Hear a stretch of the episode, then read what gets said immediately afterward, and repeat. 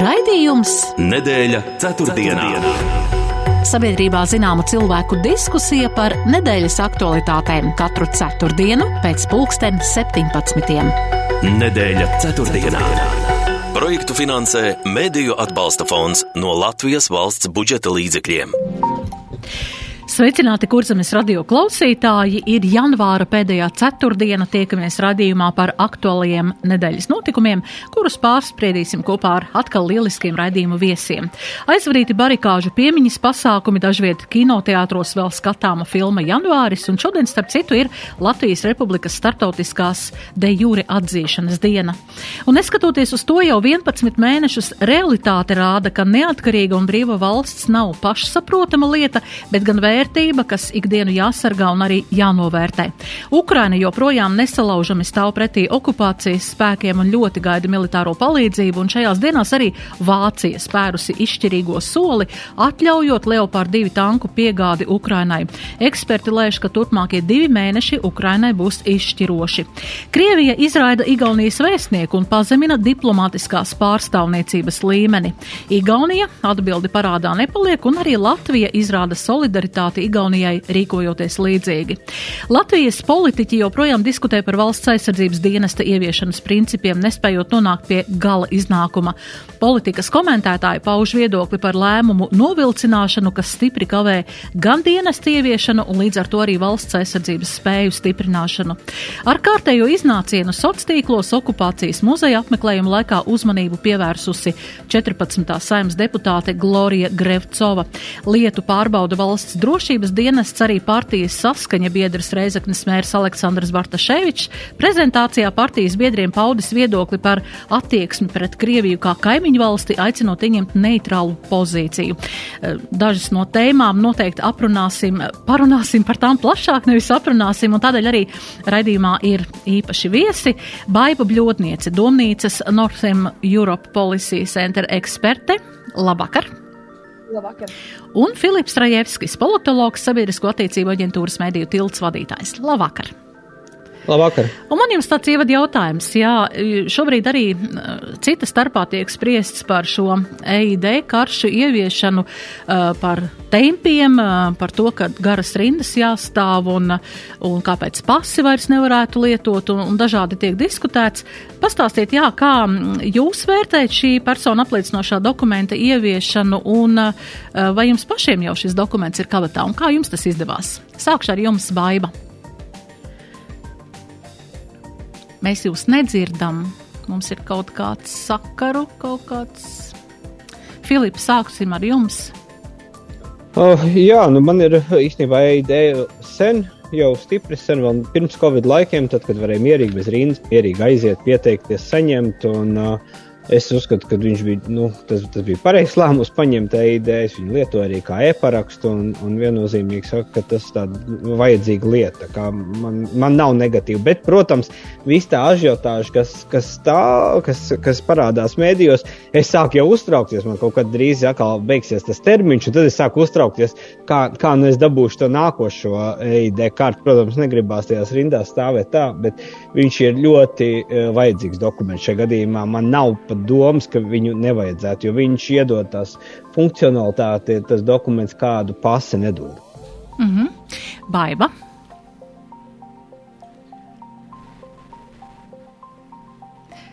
Kaut Jā, kur baigta pazudus. Mums ir baigta jāatjauno sakari. Mēs jūs redzam, bet nedzirdam.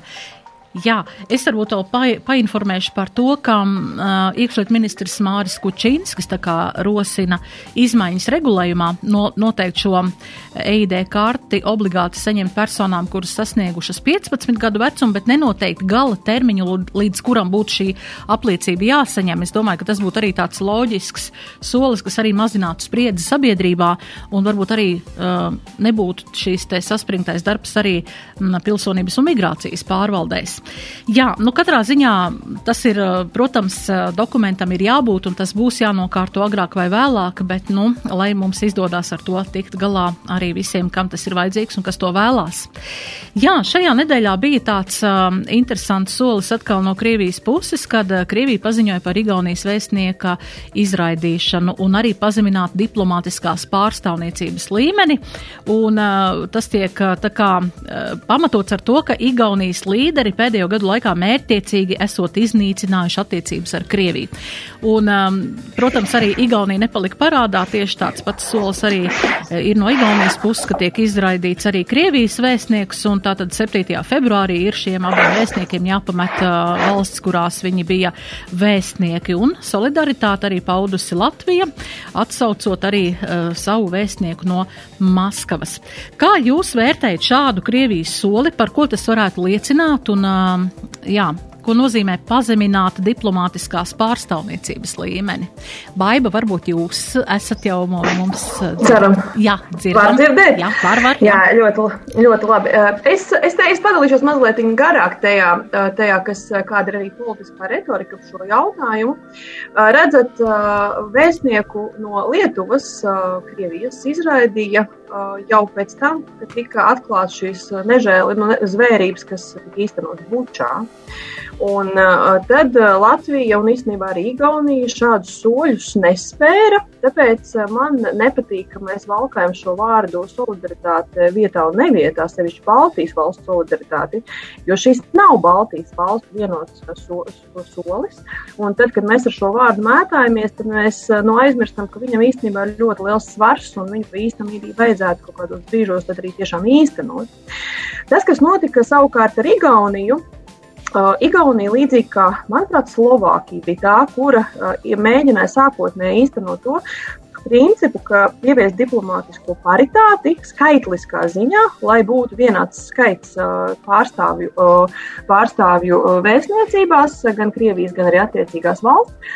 Un Krievija, protams, īstenoja tādu, tādu komisku soli, bet no atbilstoši pateica, ka labi, nu, tad, tad īstenosim samazinājumu, proporcionālu samazinājumu, bet tas nozīmē samazināsim proporcionāli pa 20 darbiniekiem vai cik viņi tur piedāvāja, bet tas nozīmē, ka Krievijā uh, nepatliktu neviena tās valsts pārstāvja, savukārt Krievijas vēstniecība Slovākijā paliktu. Igaunija no šī mācoties, protams, paziņoja par šo pašu paritāti. Tā tas viss tās sākās. Igaunija paziņoja par šo paritāti, uh, samazinot attiecīgi uh, proporcionālu skaitu, uh, uh, Krievijas pārstāvju skaitu uh, Igaunijā.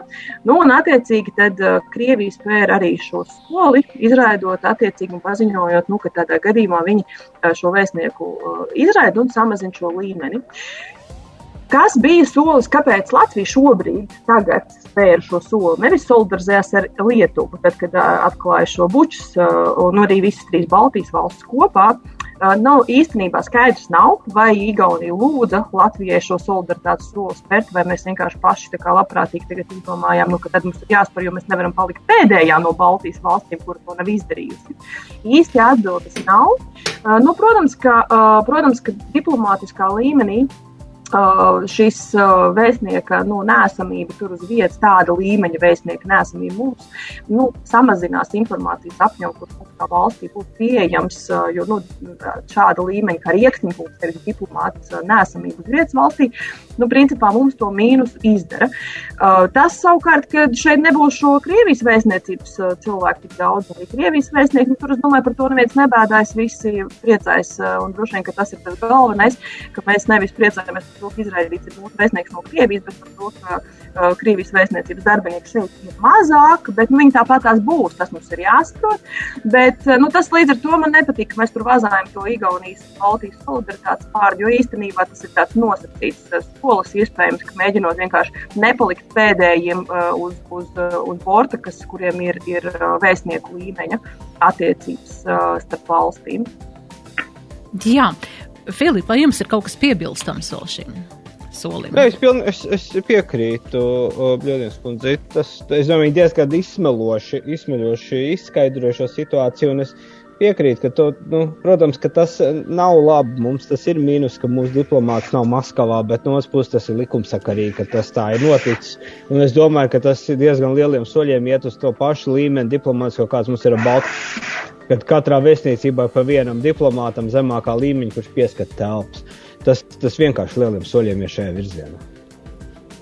Jā, Šodien arī saimā ārpolitikas debatas notika, un uh, mūsu ārlietu ministrs Edgars Rinkevičs arī norādīja, ka Krievija, protams, ir joprojām nopietnākais un tiešākais drauds NATO, un tāpēc arī ir pamatots jautājums, ja mēs runājam par NATO un, un par to, ka, uh, paldies Dievam, mēs esam NATO sastāvā, tad uh, man jautājums arī ir par šo um, valsts aizsardzības dienestu, kas šobrīd patiesībā šis te likuma projekts tiek um, skatīts ļoti gausā tempā un ir vairāk priekšlikumu, šķiet, ka kādi 45 priekšlikumi, un, un uh, lai to ieviestu, un, patiesībā ir tādas, um, nu tādas um, šoga, šajā nedēļā izskanēja arī no Čehijas par šiem, uh, nu, ka viņi savu armiju nesūtītu, teiksim, uz uh, citām valstīm, lai aizstāvētu tās no potenciāla iebrukuma. Kā jūs vērtējat šobrīd arī jā, šo te, uh, viens ir, ka mēs esam NATO, bet otrs ir mūsu pašu bruņoties spēki un valsts aizsardzības dienas ieviešanas gaita. Man šķiet, ka tas ir tiešām ļoti lēns, gauss process, un mēs ļoti iekavējam arī mūsu valsts tādu, nu, um, pašu svarīgāko šo drošības spēju vispār aizstāvēties. Uh, Filip, kā jūs redzat šo te procesu?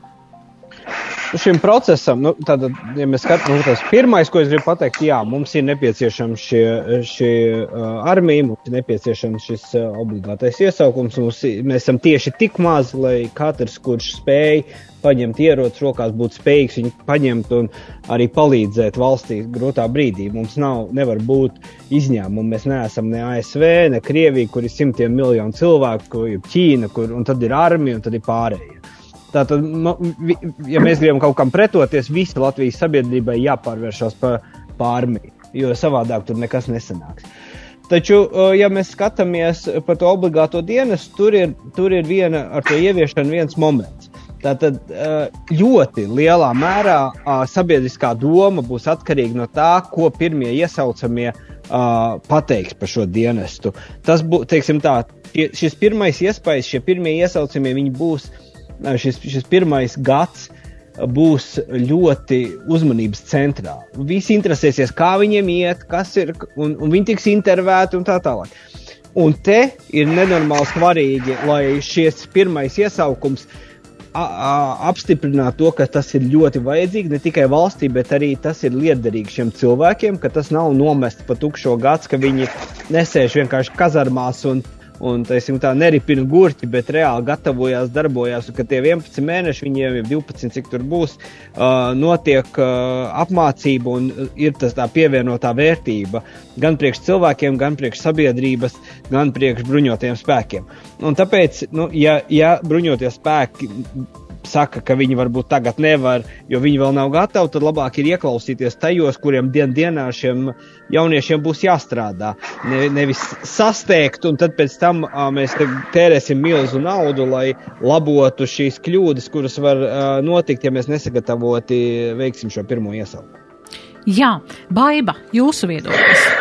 Oi, nu man šeit šitais, šis ir liels, liela personīga uh, sāpe, kas šobrīd notiek. Es, es dažus, dažus vilcienus mazliet paturpinot to, ko uh, Filips iesāka.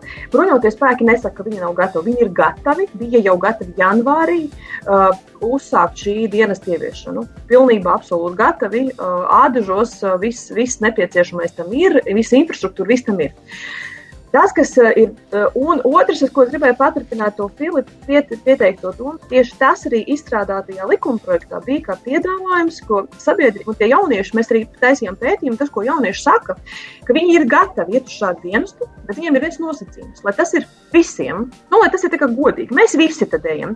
Tas koncepts, kas tika piedāvāts, bija tieši tāds, ka faktiski mēs pēc pieciem gadiem nonākam pie tā, ka visi jaunieši, jā, sākotnējā posmā vīrieši, pēc tam iespējams arī arī sievietes. Um, iziet šo dienestu vai nu caur militāro dienestu, vai caur dienestu zemesardzē piecu gadu garumā, vai caur šo civilo dienestu. Un šis civilais dienests ir tas, kas man ir vislielākā sāpe, kas šobrīd notiek saimā. Ir izdarīts divas lietas. Viena lieta, tas, kas priekšlikuma daudzums īstenībā neko nenozīmē. Tur nekāda nopietna fundamentāla izmaiņa nav, un tās tehniskās izmaiņas jau bija gatavas oktobrī, kuras tur bija precizējumi. Tā tas, bet tās divas lietas gan šobrīd notiek, un tur ir lāču pakalpojumi. Šobrīd taisa juridiskais dienests, un juridiskais dienests, manuprāt, tiešām nodarbojas ar apzinātu vai neapzinātu sabotāžu šim jautājumam. Un, un tur ir divas lietas. Viens, viņi pasaka, ka militārais obligātais dienests stāsies spēkā tajā brīdī, kad tiks pieņemts civilā dienesta likums. Nevienā nopietnā reformā tā nedara. Pasaka datumu, ar kuru viņš stājas spēkā, un līdz tam ir nepieciešams izstrādāt no nu, tos saistītos normatīvos aktus, jo mēs runājam par saistītiem normatīviem aktiem. Šajā gadījumā sanāk, ka sabotējot to civilās dienestu, viņi var sabotēt mūžīgi arī šī obligātā militārā dienesta ieviešanu. Jo vienīgais, kas ir noteikts, ka viņš līdz 1. jūlijam ir jāiesniedz parlamentā, bet savukārt, kad viņu parlaments pieņems, viņš var nepieņemt arī nākamos četrus gadus. Nu, mēs zinām, ka ir tādi likumi, kurus muļā gadiem.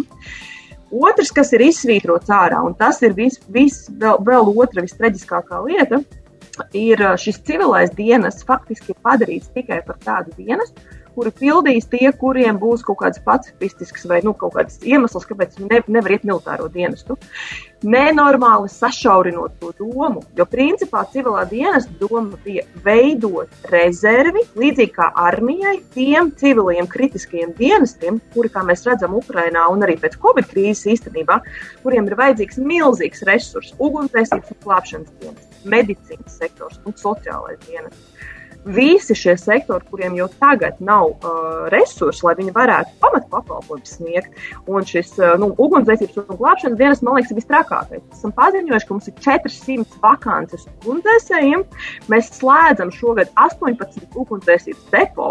Tā vietā, lai izveidotu civilo rezervi, apmācītu ugunsdzēsēju palīgus. Četrus mēnešus apmācot viņus un pēc tam sūtot palīgā ugunsdzēsības depo šīs praktiskās iemaņas iegūt un vienlaicīgi caur to izveidot šo civilo dienestu rezervi.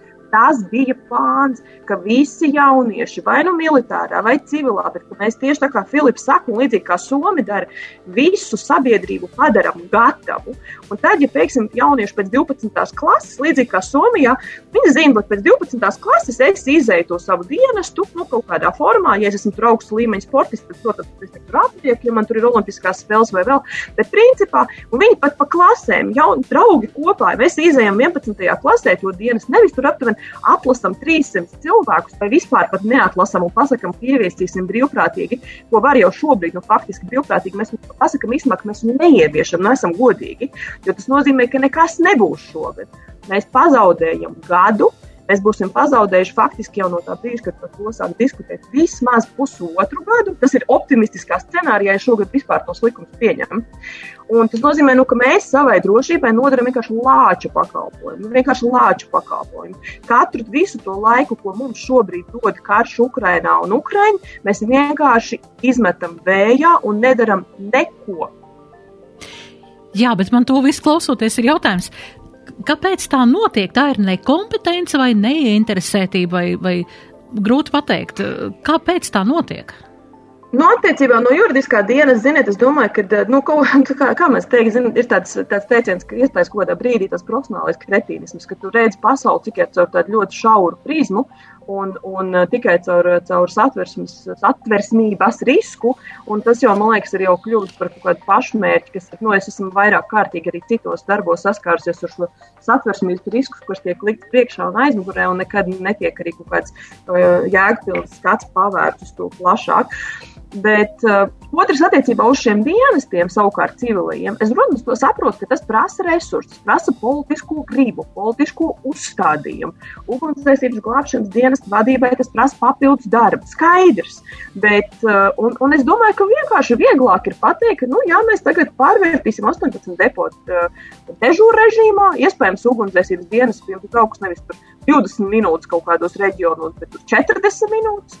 Nu, kur mēs vienkārši pamainām skaitļus uz papīra, nevis pa īstam kaut ko darām. Jo nu, tas, man liekas, ir, nu, tur ir, tur ir apakšā tīra politiskā griba, tīra politiskā griba un politisks uzstādījums. Un tas, man liekas, šobrīd, vismaz iekšlietu sektorā un iespējams arī citos, bet acīm redzam, iekšlietu visvairāk, uh, nu, šobrīd acīm redzam pietrūkst.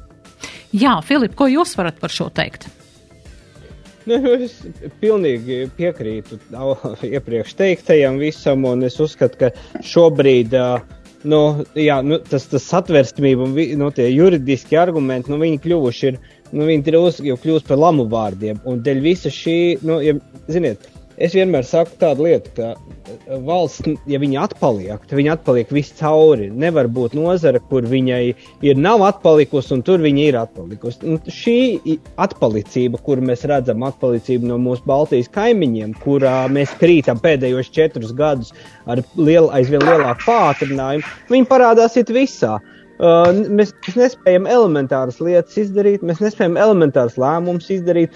Mums, mēs tur meklējam kaut kādas juridiskas sūtis, un rezultātā mūsu valsts vienkārši atpaliek gan ekonomiski, gan labklājības ziņā, gan veselības jomā, gan izglītības ziņā. Un nav brīnums, ka mēs atpaliekam šādā situācijā arī uh, militārā ziņā. Mēs esam, kā, esam bijuši, tā esam palikuši vājākais posms uh, Baltijā, dēļ tā, ka mēs nevaram vienkārši soli izdarīt, tas ir uzsākt šo uh, dienestu, ko mūsu kaimiņu valstīs sen jau eksistē un viss funkcionē. Mēs kaut ko meklējam, kaut kādu patvērsmību, kaut kādas alternatīvas, kā vienmēr mēģinam izgudrot divriteni, kurš jau sen ripo tepat pāri par robežu pāris simt kilometru attālumu. Bet vai tur nav arī kaut kādas uh, savstarpējās, varbūt politiskās spēles? Mēs zinām, aizsardzības ministra Nacionāla apvienība, uh, iekšlietu ministrs apvienotais saraksts, juridiskais birojs jaunā vienotība. Vai tur nav arī saskatāms kaut kādas tādas, nu, neinteresētības un kaut kādas konkurences?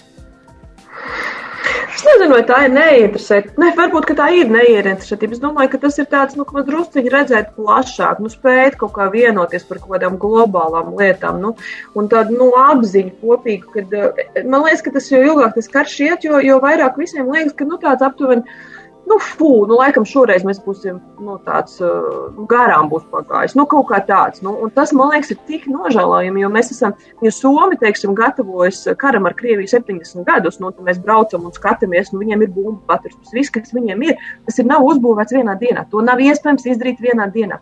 Un mēs to vispār nesākam darīt. Un, ziniet, tad, kad es klausos ugunsdzēsības un glābšanas dienas, tas nezinu, vai tas bija priekšnieks vai vietnieks, bet nav būtiski augstākā vadība, kuri saka, ka Bet varbūt mums nemaz nevajag tās bumbu patvert, mēs uh, vienkārši vajag pretgaisa aizsardzību. Un es domāju, jūs tiešām neko neesat redzējuši no tā, kas notiek Ukrajinā, kad nu, pretgaisa aizsardzība nenozīmē, ka nevajag bumbu patvert. Mēs vajag gan, gan. Nu, tas man liekas, ka mēs vienkārši nu, acīm redzam tās Ukraiņas mācību, nu, nemācāmies. Nu, vai mēs esam slikti skolnieki, vai Filips, kā saka, nu, nespējam kaut kādā ziņā aptvert, vai kas. Es nezinu. Brīžiem, protams, ir kaut kāda sajūta par to, ka tā ir apzināta sabotāža. Nu, bet, nu, es jau neesmu tāds beigies sazvērstības teorija piekritējis kopumā, bet, bet nu, kaut kādos mirkļos man liekas, ka nu, acīm redzami kaut kas pietrūkst. Vai nu kompetence, vai griba, vai arī vēlme. Nezinu, bet nu, acīm redzam, ka kaut kā mums trūkst. Jā, bet šajā, mēs zinām, ka šajām nākamajiem četriem gadiem mums ir aizsardzība pati pirmā prioritāte. Es domāju, ka arī nu, tas mēs nevarētu runāt, piemēram, par finansējumu trūkumu kaut kam, jo tam tiek paredzēti īpaši līdzekļi. Vai tiešām tas ir tikai tādām nu, armijas, nacionālo bruņoto spēku, zemesārdzes, bet cik daudz varbūt tur ir tieši tam civilajām apmācībām, vispār civilajai aizsardzībai, nu par to jau arī nekur tā daudz nerunā laikam. Tas finansējums, tas, kas ir aizsardzībai, ir aizsardzībai. Jo, protams, ka eh, vienmēr visiem liekas, ka aizsardzībai tas budžets ir liels, bet tas, ko mēs atceramies un ko mēs arī redzam šobrīd Ukrajinā, ja mēs redzam tos ieročus, cik viņi maksā, nu vispār katra no tām raķetēm, cik maksā, tad patiesībā jo augstāka mums būs militārā, militārie ieroči, augstākā līmenī, jo dārgāk mums būs arī viņus uzturēt, mums dārgāk būs arī tās nu, bruņojums, kas ir vajadzīgais. Tāpēc, tāpēc aizsardzības budžets uh, ir, nu, varētu būt vēl lielāks, un uh, par to vispār nebūtu šaubu. Piemēram, Polija vispār tagad ir pirms 5% no IKP vēl aizsardzībai. Un, uh, viņiem jau arī, nu, kā mēs redzam, arī ir virkne uh, nesalīdzinām tālāk, gan militārā industrija, gan pats bruņojums. Bet uh, tas, kas, uh, tas, kas savukārt attiecas uz civilo dienas, nu, tur man tiešām gribas, uh, es, es, es tiešām ļoti ceru, ka ka ministrs Kučīnskis, kurš ir bijis premjerministrs, nu, kuram ir tāds nu, plašāks redzējums, es ļoti, ļoti ceru, ka viņš spēs to iekšlietu sektoru tādu nu, uztaisīt kaut kādu lielāku pušu viņiem, lai, lai būtu arī tā apziņa, ka kara laikā paļauties uz aizsardzības ministriju un uz bruņotiem spēkiem iekšlietu sektora, uh, sektors nevarēs, jo tāpēc, ka aizsardzības, uh, viņa, nu, aizsardzības armija karos, un tieši pretēji valstī būs jādara viss, lai palīdzētu armijai, nevis sagaidīt, ka armija tad nāks palīgā. Man bija tādas diskusijas dažreiz ar tiem uzņēmējiem, mums bija tāda valsts aizsardzības dienas semināri, kuri saka, nu, bet, ja būs karš, nu, kā, kā, es, kā es varēšu turpināt to savu ražošanu, kā jūs man piegādāsiet tur izēvielas. Un es viņiem saku, mīļie, nekā. Jūs ražosiet, lai palīdzētu cilvēkiem, jūs ražosiet, lai palīdzētu armijai. Jo tāpēc, ka tajā brīdī jums ir jāpārslēdz tā domāšana, ka mēs visi palīdzēsim nosargāt valsti, jo katram būs loma tajā vietā. Un to es domāju, ka līdz galam vēl tā apziņa nav aizgājusi. Iespējams, tas prasa ilgāku laiku, Iespējams, tas prasa arī daudz lielāku politisku diskusiju par to un pastāvīgu diskusiju. Jo, nu, protams, ka nav, nu, visiem negribas runāt par karu, un visiem gribas tās šausmas neredzēt, nedzirdēt un par to nedomāt. Un saka, nu, cik ilgi mēs varam gatavoties karam, un taču, jā, nu, tādā režīmā mums ir jādzīvo un būs jādzīvo, jo Krievija, mūsu kaimiņu valsts, paliks vienmēr. Jā, starp citu arī tādas uh, sarunas ir novērots arī uh, reģionos par to, ka jā, nu kāds obligātais uh, valsts aizsardzības dienests, ja ir, nu taču lauksaimniekiem ir jāar zeme un jāvāc raža un viss pārējais, nu pa kuru laiku tad, lai mēs ejam to mācīties, apmēram tā. Jā, starp citu, jā, ja runājam tieši par šo iekšējo drošību, arī nu, par iekšējo drošību tieši, tad mēs zinām, ka šad tad uzplaiksnī arī šie mūsu 14. saimnes deputātis uh, Glorijas Grevcovs izgājieni un arī uh, Reizeknas mērs Aleksandrs Bartaševičs ir nācis ar tādu prezentāciju. Un no kā var secināt, ka patiesībā uh, es neuzskatu, ka tā ir nejaušība, tāpat arī Elksnīkungs Daugopilī, ka, bet tas ir kaut kāds apzināts solis, lai um, nu, tādus, tādu drosmi iedot arī tiem cilvēkiem, kas ir um, citu, citu valstu varbūt piekritēji un politikas piekritēji. Eh, tā interesanti tas tiek eh, dažādā veidā eh, pasniegts un slēpts un, un tulkots. Ja mēs runājam tieši par Grevcovas izteikumiem, tagad janvāra dienās, kad bija šī te barikāža atcere, bija okupācijas muzejā, bija izstāde un, un pasākumi, un mēs zinām, bija sociālos tīklos arī šis viņas vēstījums par to, jā, kad ir daudz ir melu, daudz tiek muļķoti cilvēki, un kad nav fakti, un, un viss kaut kas tāds. Krievu valodā tas tika pasniegts sociālajos tīklos, pēc tam Latvijas kaut kāds labojums absolūti ne Krievu valodā. Un, protams, tam arī valsts drošības dienests ir pievērsis uzmanību. Kā jūs šos te um, Grevcovs kundzes šos iznācienus, jūs tiešām tur redzat nejaušību, vai tas tiešām ir apzināts gājiens un tāda, nu, uh, tāda tīra apzināta zinot, kas tālāk sekos? Varbūt Filipa ar jums sākšu šoreiz. Es domāju, ka tas ir absolūti apzināts darbs pie tā, lai kristalizētu savu, savu, savu vēlētāju. Viņš šādā veidā viņu uzrunā. Viņa, tie nav milzīgi skaiti, bet tādi cilvēki ir, kuriem tas ir pieņemami, kuri tā uzskata. Viņai ir jādara kaut kas tāds, lai kontrastu, lai šo, nu, teiksim, tā, tā kā ūdeni ielēja tādu kontrastu vielu. Viņa viņu ielēja ar katru šādu video, lai redzētu savu vēlētāju, viņa reakciju lai visu laiku būtu dialogs ar šo vēlētāju. Nu, un otra lieta, viņi ļoti precīzi, un to arī var redzēt Elkstina gadījumā un Bartaševiča gadījumā, viņi pārbauda. Mums mazliet atkal signāls aizķerās. Mūsu vājums, tas, ko es iepriekš teicu, ja tu Jā. esi vājš, tad tu esi vājš visās vietās. Viņi vienkārši pārbauda robežu. Viņi pārbauda robežu, mūsu vājuma robežu. Un viņi, viņi iet un iet un soli pa solim, ja viņi redz, ka, ha, es varu darīt, nekas man nav. Es varu vēl vienu soli darīt, nākamā man nekas nav. Un te es tur kaut kādas muļķīgas lietas uzrakstu, eh, krievisku uzrunāju vēlētājus. Tur noteikti ir. Es neesmu skatījies, bet es izteikšu uh, hipotēzi, ka tur ir daudz skatījumu tam krieviskajam iznācienam. Tad tur kaut ko latviešu pastāstīšu, ka tas es, jūs man nepareizi sapratāt. Tas absolūti viņus fakts vēlētāji neinteresē. Bet nu, viņi varēs vienmēr pastāstīt, uh, tad, kad drošības dienestiem, ka es taču atsaucu, es jau neko ar maniem viesiem esmu tīra un tā tālāk. Viņi pārbauda mūsu vājumu, vai mēs esam spējīgi tikt galā ar šo problēmu vai nē. Nu, un, un, un, un, un vēl plus iegūt punktus politiskos. Jā, Baiba, kā jūs redzat šādu darbību, ja, ja kas cilvēkos, kas ir ievēlēti no sabiedrības? Jo viss manis pieminētie, gan Elksniņš, gan. Nu, es atkal druskuļi padalīšos ar, to, ar tām sajūtām. Es uz to skatos vēl, vēl, vēl no vienas citas, iespējams, šķautnes. Redzat, nu, kā, skaidrs, ka Krievija īsteno informatīvo karu uz Latvijas, te, nu, uz Latvijas teritorijas, Latvijas sabiedrību gadiem, nu, līdzīgi kā tas ir bijis Ukrainā. Ir gan caur atsevišķiem politiķiem, gan caur atsevišķiem mēdījiem, gan nu, caur viedokļu līderiem, influenceriem. Tas ir veids, kā Krievija šo informatīvo karu realizē. Un mums ir jāsaprot, ka šis gadiem tiek īstenots arī pie mums. Un informatīvā kara mērķis jau ir kāds. Viņš ir kā, nu, sagatavot augstu, sēt šaubas, likt domāt, ka kaut kas nav taisnīgs, apšaubīt savus politikus, apšaubīt savu valsti. Pateikt, nu, Krievijas viens no tādiem, tādiem narratīviem, kurus viņi ļoti bieži izmanto, ir, ka, nu, ka Latvija ir neizdevusies valsts, vai ka Latvijai vispār nav tiesības būt. No, nu, atcerieties, ka Ukraiņas kara sākumā to pašu jau teica arī Ukraiņa. Kas tā tāda Ukraiņa? Kur viņa radusies? Kāpēc? Nu, viņš nav nekāda valsts. Un, un, protams, ka tas tie cilvēki no iekšienes tiek ļoti izmantoti. Nu, tie, arī Ukrainā mēs redzējām arī ļoti augstu līmeņu politiķi, kas tiek izmantot arī, arī tā skaitā citos dienestos strādājoši, ilgstoši strādājoši, tiek izmantot nu, dažādos veidos, gan caur to, ka vienkārši primitīvi nopirkti, gan caur to, ka viņi tiešām ideoloģiski tic, ka Krievija nu, ir vislabākā valsts uz pasaules un ka, ka mums tiešām vajadzētu varbūt viņu sastāvā būt. Es nezinu, ko domā Glorija Grotskis. Nu, man liekas, ka viņi drīzāk tiešām, kā Filips saka, domā tikai par saviem sekotājiem, neizstāsta, ka viņi spēj domāt tādās plašākās kategorijās par to, ko viņi īsti nodara.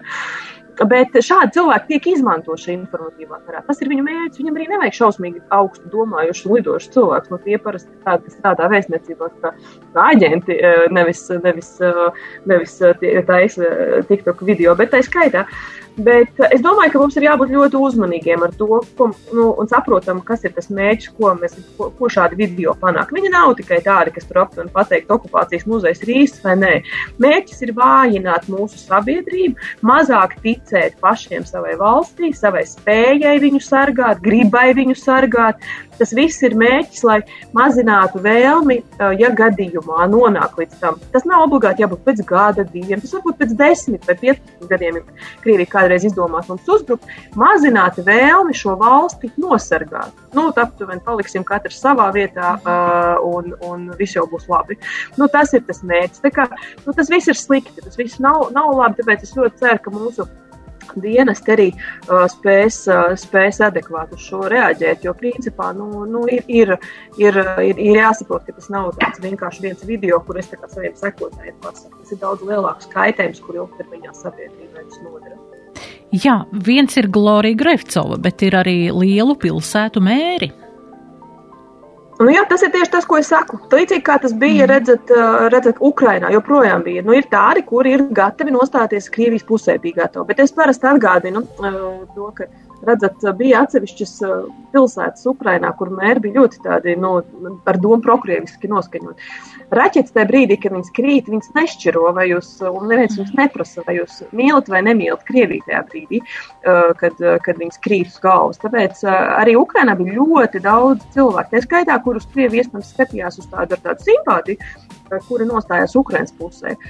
Bet tas, protams, neizslēdz, neizslēdz diversantus, tas neizslēdz kolaborantus, jā, mēs zinām, ka mūsu sabiedrībā tāda ir. Ar to mums ir jārēķinas, un, jā, un, un mēs nedrīkstam arī dzīvot ilūzijā, ka visi mēs būtu gatavi šo zemi, kas šeit dzīvojam, arī sargāt. Un ir tādi, kas ir gatavi viņu graut. Nu, skaidrs, tādi ir. Diemžēl. Kā arī izsināt to jautājumu? Nu, tas ir vairāk izglītot savu sabiedrību, vairāk arī nu, tādu pašiem ar, ar skaidrāku skatu, un vairāk arī mēģināt tomēr arī pie, pie krievu tautības cilvēkiem vai krieviski runājošiem cilvēkiem tomēr arī vērsties. Jo, nu, jo es saku, Ukraiņas piemērs arī rāda, ka nav tā, ka tas, tas ka jūs runājat krieviski, tas automātiski krieviski puses tā galīgi nav. Jā, nu, katrā ziņā man vienmēr ir jautājums, nu, cik tālu drīkstēs, nu, piemēram, nu, jā, Reizekna un Daugavpils tā tomēr ir liela latgales daļa, um, nu, cik tālu viņiem drīkst vispār šādā veidā šādu ziņu um, daudzumu pasniegt publiski, uh, un uh, vienkārši par to neko kā, nu, neatbildēt par to, jo tāpēc, ka, nu, tas tomēr ir uh, Krievijas labā un tas tomēr aicināt būt neitrāliem pret Krieviju un padomāt, ka Krievija var uzvarēt un kas ar mums tad būs.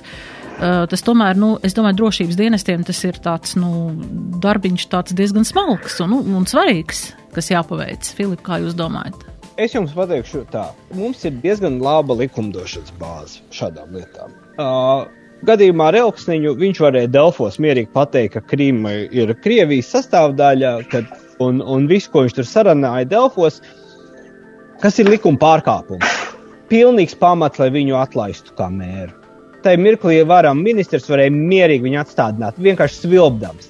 Ticiet man, tajā mirklī Bartaševičs ļoti piebremzētu savu runāšanu, ja viņš redzētu, ka Elksniņš par šo lietu ir atlaists. Iepriekšējais ministrs, es nezinu, kāda apsvēruma dēļ, notēloja, ka viņš nedzird, ka tas uz viņu neatiecās. Elksniņš saglabāja amatu. Ok, tas nozīmē, ka tā drīkst. Viņš var, ar ko viņš atšķiras no Glorijas Grefcovas. Viņš pasaka vienu, tas izlido pa visu pasauli, pēc tam viņš Ai, tur, tur eh, atcerēsimies, ka to citēja ļoti daudz arī ārpus mēdīja Latvijas, šos viņa teicienus. Pēc tam viņš aizgāja kaut ko tur pačukstē. Ai, jūs ne tā sapratāt, es kaut ko pārteicos, jūs ne tā domājat.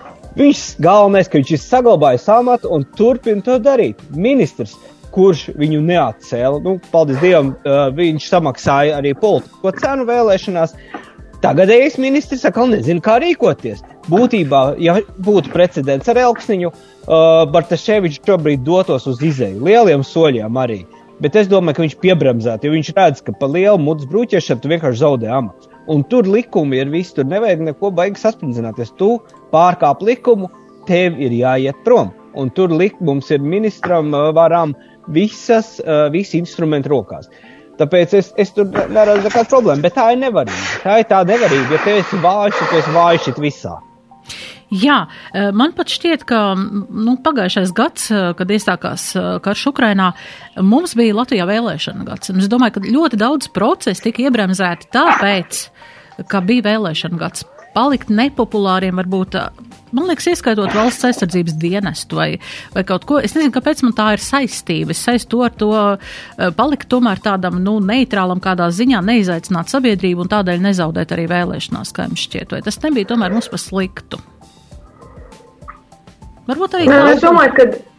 Es domāju, ka tur droši vien daudz, daudz jautājumu. Es domāju, ka uh, saistībā teiksim, ar valsts aizsardzības dienestu uh, Nu, tur, protams, to izmantoja pret mums, tieši pret, gan pret ārstu fabriku, gan pret mani personīgi, ka mēs esam to izmantojuši politiskā cīņā. Bet, nu, bet es tiešām es esmu pilnīgi svēta pārliecināta, ka tas bija jādara te brīdī. Jo mēs vienkārši īstenībā, ja mēs būtu viņu pieņēmuši tā, kā bija plānots līdz vēlēšanām, to varēja izdarīt. Varēja izdarīt. Un tur bija vienotība, kur nobaidījās, noraustījās un negribēja, un ko, jo vajag vēl diskutēt, vajag juristiem un visu.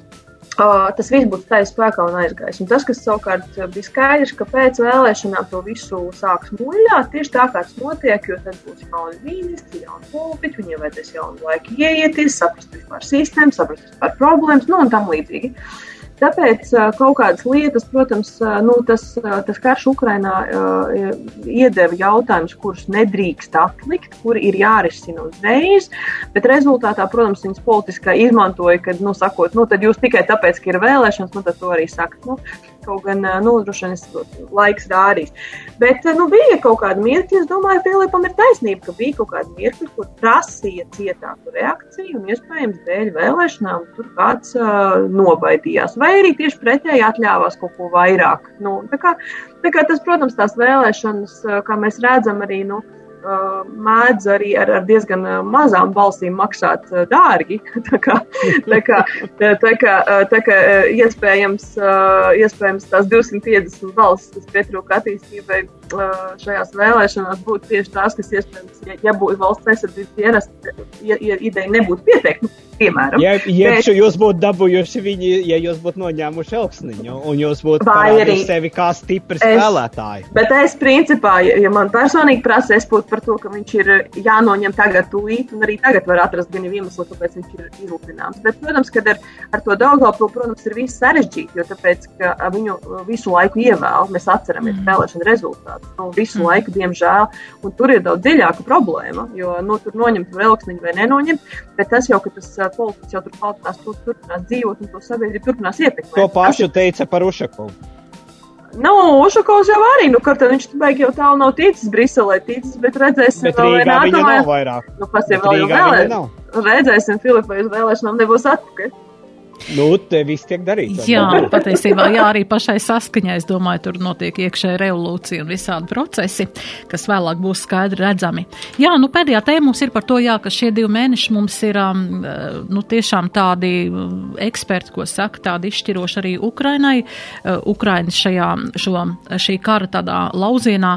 Um, Ukraina arī šajā laikā atlaiž augstas amatpersonas pret korupcijas tīrīšanā. Tas arī ir tāds process, kas nav bijis visu šo laiku, un tagad pēkšņi šajā nedēļā parādās, jā, kad augstas amatpersonas tiek atlaistas dažādu iemeslu dēļ. Bija šis te Arestoviča kunga atlūgums, un pēc tam, kam sekoja tālāk tur par indiņu.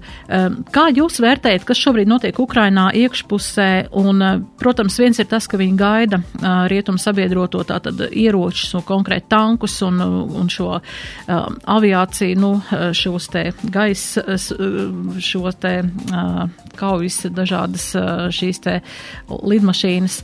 Um, bet iekšā Ukrainā šobrīd, kā jūs vērtējat, kas šobrīd notiek, Baiba? Es domāju, ka notiek divas lietas, kuras šobrīd var redzēt strauji. Viens ir, ka nu, Ukrainai ir virkne lietu, kurā viņiem ir jāspēr transformācijas posms, lai viņi būtu eiropeiska, demokrātiska, moderna, caurspīdīga valsts. Un, protams, ka tas viss paralēli tam karam šobrīd arī notiek. Ukraiņi būvē savu valsti no jauna. Viņi iet cauri šim sāpīgam transformācijas procesam. Tas, kas tajā transformācijas procesā, protams, notiek, kad jums jebkurā gadījumā ir vesela virkne cilvēku, kuri ir nu, grupas un uzņēmumi, kas ir dzīvojuši un, un teiksim, barojušies no, no dažādām, dažādām nu, tā skaitā finansiāli vai kā savādāk, vai lēmumu pieņemšanā, nu, mēģinājuši to veco, veco tā, Krievijas, teiksim, tādu gaumi turēt. Un es domāju, ka tas ir tas, ko Ukraiņa šobrīd mēģina demonstrēt visiem. Mēs maināmies, mēs esam gatavi savu valsti mainīt. Mēs mazināsim korupciju. Protams, ka tas nenotiek vienā dienā. Mēs mazināsim, mainīsim pilnībā valsts sistēmu, mēs pār, pārbūvēsim savu valsti. Mēs būsim asi uz visiem korupcijas skandāliem un uz citiem jautājumiem. Arestovičs ar citajā virknē arī piesaukto šobrīd notiekošo ir vienkārši iekritis tajā laikā, tajā pašā barā, jo viņam tas, nu, tas, tas kas uz viņu attiecās, viņam vienkārši bija neveiksmīga verbāla izteikti kļūdas. Īstenībā pat ir, es jau gan viņam arī personīgi esmu teikusi, ka man ir brīnums īstenībā, ka tā kļūda notika vēlu, saprotot to ār, ārprāt informācijas apjomu un ātrumu, kādā viņi dzīvo. Tas varēja notikt arī ātrāk, nu, jo, ir, jo viņš visu laiku tiešām, nu, jo cilvēkiem jau gribas zināt atbild uzreiz, nu, kaut kas notiek, un viņi saka, kas notika, kas notika. Un viņam jau tas tādas intervijas ir nu, desmitiem dienā, kur viņiem prasa atbildes uzreiz. Tā kā faktiski viņam vienkārši sanāca cilvēcīgi nejauša kļūda. Uh, bet tas, kas ir tas paralēlais saistībā ar tām amatpersonu atlaišanām, tas ir vairāk, es saku, demonstrēt uh, Eiropai, demonstrēt Amerikai, ka mēs, mēs ejam Eiropas virzienā. Mēs nedzīvosim vairs tā, kā dzīvojam, mēs mazināsim korupciju, mēs mazināsim biznesa saites, ietekmi uz politiku un vispārējo. Es domāju, Ukraina tagad šo sāpīgo transformācijas procesu vienlaicīgi ar karu uh, uh, iziet. Nu, es, tas ir tas, kā es to redzu. Jā, mums ir atlikuši divas minūtes līdz radījuma beigām. Filipa, kā jūs redzat šobrīd Ukrainu? Jā, es, es teikšu tā, ka Ukraina politiskā elite ir, es, tas ir ārpus Aristoviča. Es, par Aristoviču es negribu komentēt, to visu es piekrītu baibai, bet uh, tas, kas ir Ukraina politiskā elite, sāk justies komfortablāk, sāk izskatīties, ka tiešām varētu arī pozitīvs risinājums būt cīņai, un galvenais, un sāk domāt par politiku reāla politika. Viņiem arī ir vēlēšanas, demokrātija un tā tālāk. Un, un šādā gadījumā es tikai varētu novēlēt, lai viņi domājot pat tagad jau par politiskām rotaļām, savām iekšējām, neaizmirst, ka viņiem vēl vajag tomēr uzvarēt. Un tas ir tas, kas ir jācer, kad, uh, viņi neaizmirsīs, domājot par nākošajām vēlēšanām un nāk, nākotni. Pēc tam, uh, kad vajag pa priekšu uzvarēt, un tad var sākt politiskās cīņas, jo, jo viņi ilgi ir bijuši vienoti, ļoti vienoti, bet nu, sāk parādīties, ka viņiem sākās arī plaisas iekšā politiskajā elitē. Jā, vakar Zelenskungam bija dzimšanas diena, 45 gadi, un es domāju, šāda prezidenta karjera ar šādu notikumu un šādu joprojām spēt valsti turēt un vadīt. Es domāju, tas tiešām ir uh, piemērs visai pasaulē, kā, kā viņš to spēja un kā viņš to dara. Un, protams, vēlam, lai viņam tas izdodas. Paldies jums liels par šo sarunu, par šo brīnišķīgo stundu, ko pavadījām kopā. Tad sarunājos ar Baibu Bļodnieci, domnīcas Nocerna Europolicy Center eksperti un Filipu Rajevski, politologu sabiedrisko attiecību aģentūras mēdī tilts vadītāju. Paldies jums! Un Novēlu jums mierpilnu nedēļas nogali, uz tikšanos atkal turpmāk, un raidījuma producente Anna Andersone pie skaņu pults bija man kolēģe Adelīna Anna Ziemele, un raidījuma vadījies Daci Blūma uz tikšanos turpmāk. Raidījums Nedēļa ceturtdienā. Sabiedrībā zināma cilvēku diskusija par nedēļas aktualitātēm katru ceturtdienu pēc pulksten 17. Nedēļa ceturtdienā. ceturtdienā. Projektu finansē Mēdīju atbalsta fonds no Latvijas valsts budžeta līdzekļiem.